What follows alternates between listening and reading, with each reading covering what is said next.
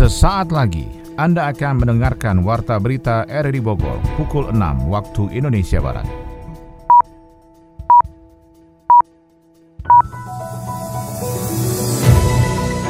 Selamat pagi dan salam jumpa. Kami kembali hadir dalam Warta Berita edisi pagi ini, Selasa 6 Juli 2021.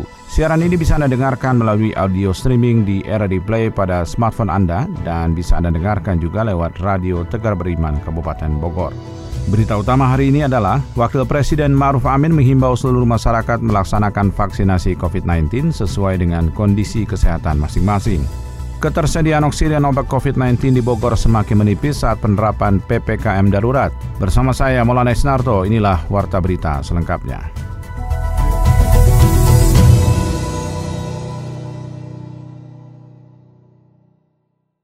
Wakil Presiden RI Maruf Amin menghimbau seluruh masyarakat untuk melaksanakan vaksinasi COVID-19 sesuai dengan kondisi kesehatan masing-masing. Hal ini sebagai ikhtiar untuk mencapai kekebalan komunal atau herd immunity secara nasional. Wapres Ma'ruf saat menyampaikan pidato kunci pada web seminar bertema menanti kebangkitan ekonomi syariah secara daring di Jakarta mengatakan vaksinasi menjadi salah satu ikhtiar untuk cepat keluar dari krisis kesehatan. Pencapaian kekebalan komunal tidak lepas dari peran aktif masyarakat mengikuti vaksinasi. Wapres meminta masyarakat untuk mensukseskan program vaksinasi COVID-19 serta saling gotong royong untuk keluar dari pandemi COVID-19.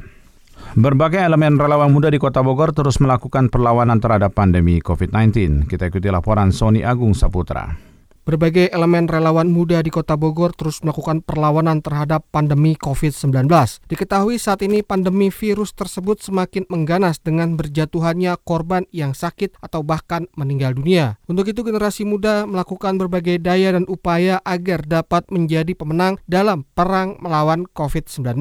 Salah satunya dengan membentuk relawan Bogor memanggil untuk generasi muda yang tergabung memberikan pelayanan kepada masyarakat yang terkonfirmasi positif COVID-19 COVID-19 dengan menjalani isolasi mandiri. Wakil Ketua KNPI Kota Bogor Anto Siburian mengatakan saat ini sudah ada wadah untuk relawan muda bergabung untuk menghadapi COVID-19 dengan bersama-sama menjadi garda terdepan melayani masyarakat terdampak COVID-19.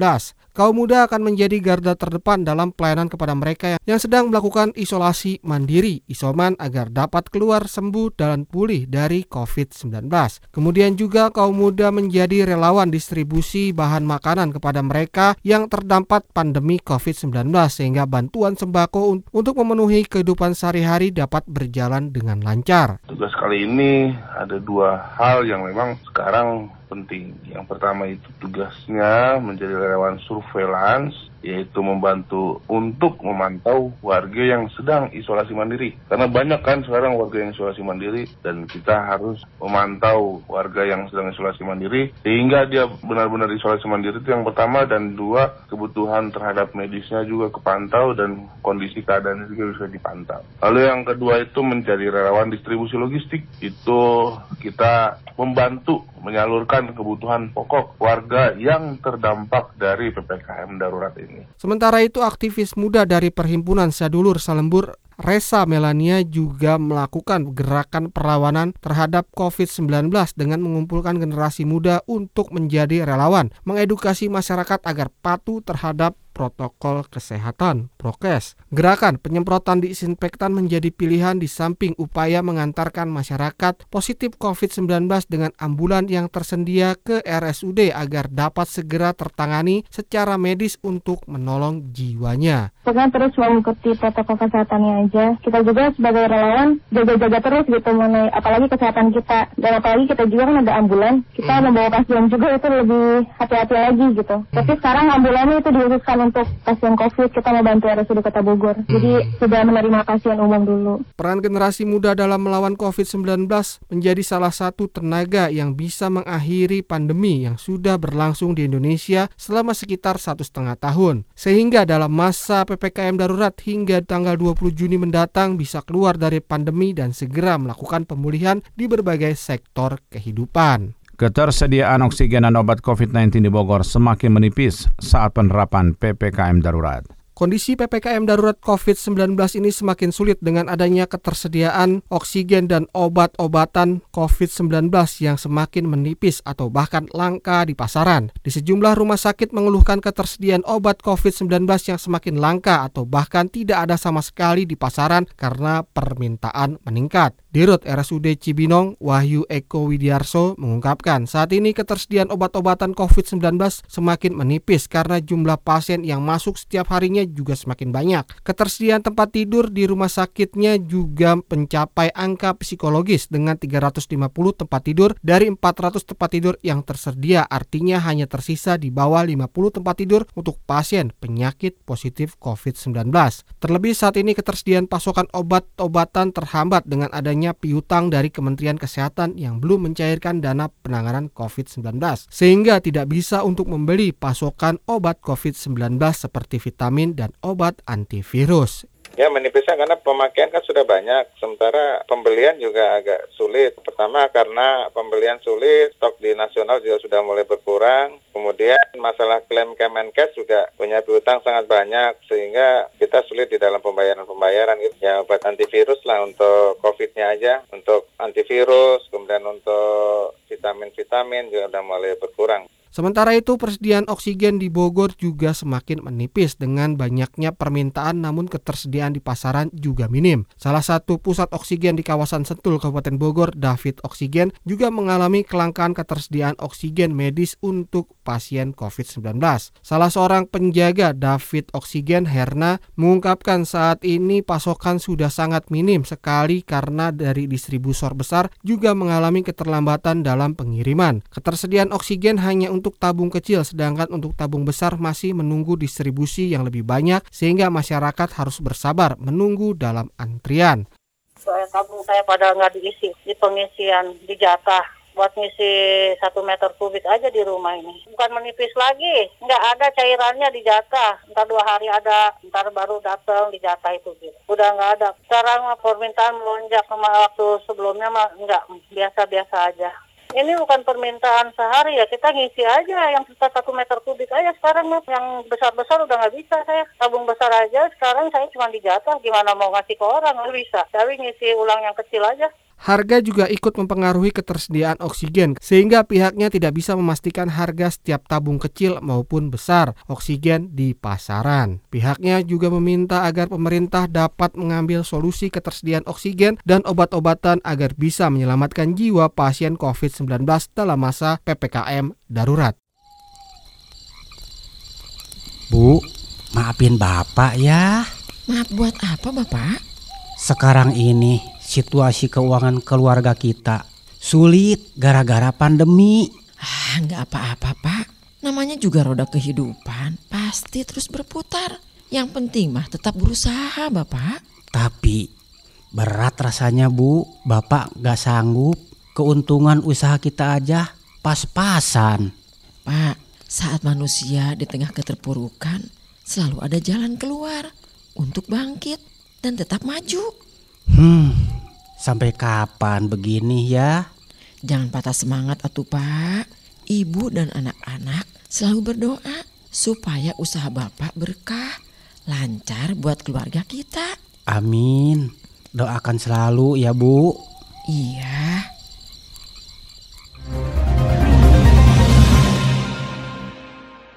Satgas COVID Kabupaten Bogor meningkatkan pengetatan dan penyekatan di level yang paling kecil. Kita ikuti laporan Yufri Haryadi. Dagang boleh, tapi hanya boleh dibawa pulang, tidak boleh buka meja dan kursi.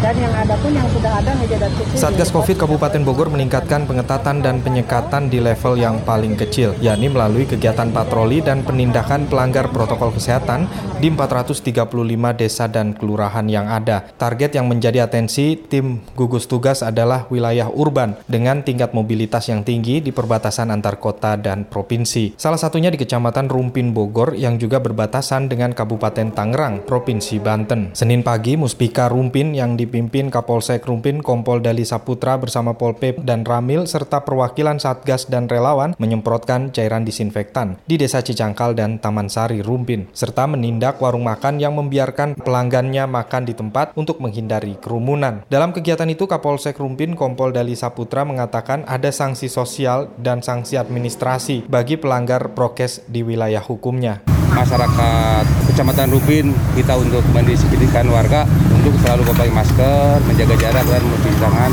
dan juga menghindari kerumunan ya. Upayanya mungkin kalau memang yang melanggar kita kasih sanksi ya.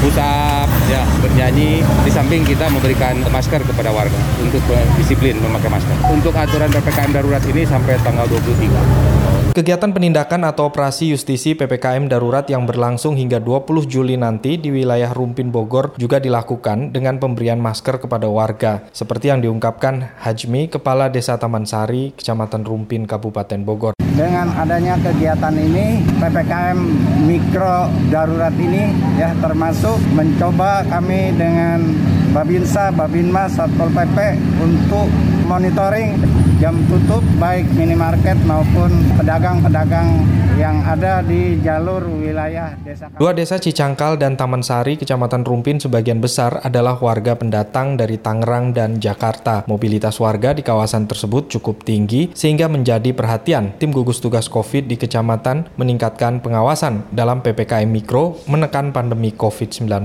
Kembali Yofri Aryadi melaporkan soal tingginya penyebaran dan penularan wabah COVID-19 di Kabupaten Bogor dan tanya anak-anak terpapar COVID. Tingginya penyebaran dan penularan wabah COVID-19 di Kabupaten Bogor dan rentannya anak-anak terpapar COVID-19, Komisi Perlindungan Anak Indonesia KPAI Kabupaten Bogor mendorong pemerintah daerah melalui Ketua Gugus Tugas Kabupaten untuk menyertakan anak-anak dalam program vaksinasi COVID-19 tahap ketiga. Komisioner KPAI Kabupaten Bogor Erwin Suryana menjelaskan ada banyak anak-anak usia 0 hingga 18 tahun yang juga terpapar COVID-19 di Kabupaten Bogor dan harus menjadi menjadi atensi bagi pemerintah memfasilitasi mereka mendapatkan pelayanan kesehatan. Kami dari Komisi Perlindungan Anak Daerah Kabupaten Bogor dengan memperhatikan tingkat positifnya penularan atau penyebaran COVID khususnya kepada anak-anak dan sampai saat ini lebih kurang sudah ada 256 ribu lebih di Indonesia yang terpapar, lebih kurang 636 orang yang meninggal di seluruh Indonesia, mendorong untuk dilakukan imunisasi ataupun vaksinasi COVID dikhususkan kepada anak-anak. Selain gencar melakukan sosialisasi dan larangan untuk mengajak anak bepergian ke lokasi yang rawan penularan COVID-19, KPAI Kabupaten Bogor juga mengadvokasi anak-anak agar mendapat hak anak dan prioritas pelayanan kesehatan di tengah PPKM darurat ini. Target 1,2 juta vaksin untuk warga Kabupaten Bogor terus dikejar dan dilakukan serentak di 101 puskesmas yang ada dengan berpedoman pada protokol kesehatan yang ketat. Satgas COVID dari Dinas Kesehatan Kabupaten Bogor, Dedi Sarif mengatakan pemerintah kabupaten terus-menerus meminta penambahan vaksin untuk warganya. Bahkan dari pendataan vaksin massal secara online untuk vaksin lansia baru terpenuhi 7 persennya saja dari sekitar 700 ribu jiwa yang telah divaksin. Oh itu kan bertahap, 1-2 juta kan bukan untuk Kabupaten Bogor ke Jawa Barat. Enggak berubah, kan bertahap kan dia bertahap. Kan, dapat iya kan langsung dapat kirim, dapat kirim, ya nggak mungkin juga. Kita ya sudah disiapkan sampai saat ini. Dari data terakhir, jumlah vaksin yang tersedia oleh pemerintah Kabupaten Bogor sekitar 13.000 dosis dan kini masih diusulkan penambahannya untuk mengejar target satu hari 6.000 hingga 10.000 vaksin yang disuntikan, baik tahap 2 dan tahap ketiga nantinya. Dari ekonomi, Menko Bidang Maritim dan Investasi Luhut Binsar Panjaitan meminta pasokan oksigen seluruhnya dikonversi untuk memenuhi kebutuhan medis karena ketersediaan oksigen menjadi salah satu masalah yang langsung secara ditangani di tengah melonjaknya kenaikan kasus COVID-19. Data Kementerian Kesehatan dan Kementerian Perindustrian Kementerian menunjukkan terjadi kenaikan permintaan oksigen menjadi lima kali lipat. Luhut dalam keterangan tertulis di Jakarta mengatakan saat ini butuh data yang detail untuk selanjutnya mengkonversi oksigen industri ke semua full ke oksigen farmasi. Kekurangan bisa terpenuhi jika oksigen industri semua difokuskan ke oksigen farmasi. Saya Kadisub Kota Bogor, Haji Eko Prabowo bersama RRI Radio Tanggap COVID-19. Saya berharap sesuai tugas pokok fungsi saya, berharap masyarakat bisa menaati aturan-aturan berdasarkan protokol COVID, apa yang boleh dan apa yang tidak boleh, apa yang harus dilakukan dan apa yang tidak harus dilakukan. Tetap tinggal di rumah, ulah ke mana-mana kalau nggak perlu. Keluar rumah harus pakai masker untuk kepedulian, sayang pada keluarga, sayang pada sesama. Terima kasih. Ada dua berita olahraga yang hari ini akan disampaikan oleh Ermelinda.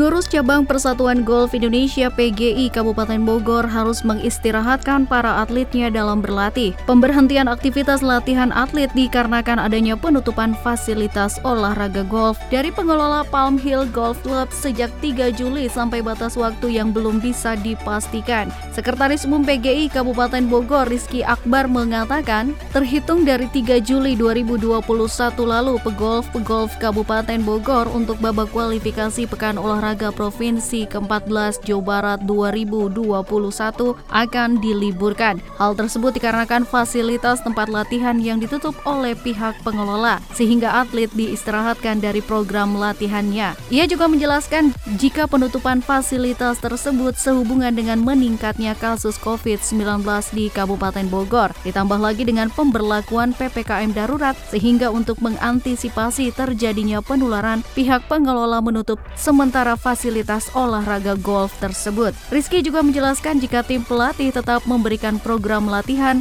yang harus dijalankan atlet selama istirahat. Hingga nanti pada waktunya atlet bisa kembali berlatih seperti biasa di Palm Hill Golf Club. Ketua Umum Komite Olahraga Nasional Indonesia KONI Kabupaten Bogor Junaidi Samsudin menginginkan semua atlet yang tergabung dalam tim pemusatan latihan cabang Pelacap Kabupaten Bogor menuju babak kualifikasi Pekan Olahraga Provinsi BK Porprov ke-14 Jawa Barat 2021 tetap intens menjalani latihan mandiri sesuai apa yang diberikan oleh tim pelatih selama diberlakukannya pemberlakuan pembatasan kegiatan masyarakat atau PPKM darurat yang berlangsung dari tanggal 3 Juli hingga 20 Juli mendatang.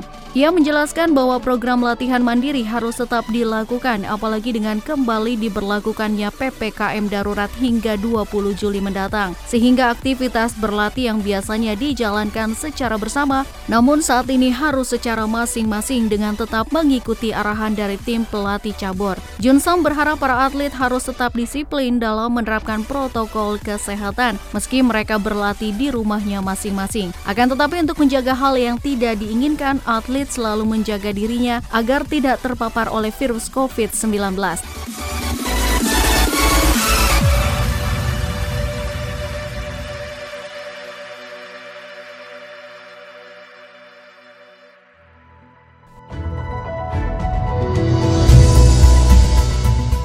Demikian rangkaian informasi yang kami hadirkan dalam Warta Berita di edisi hari ini. Sebelum berpisah kembali kami sampaikan berita utama. Wakil Presiden Ma'ruf Amin menghimbau seluruh masyarakat melaksanakan vaksinasi COVID-19 sesuai dengan kondisi kesehatan masing-masing. Ketersediaan oksigen obat COVID-19 di Bogor semakin menipis saat penerapan PPKM darurat. Siaran ini bisa Anda dengarkan juga melalui podcast di Spotify, Anchor, Portal, dan Google Podcast. Mewakili kabar kerja bertugas yang Estata mengucapkan terima kasih atas perhatian Anda. Selamat pagi. Sampai Sampai jumpa.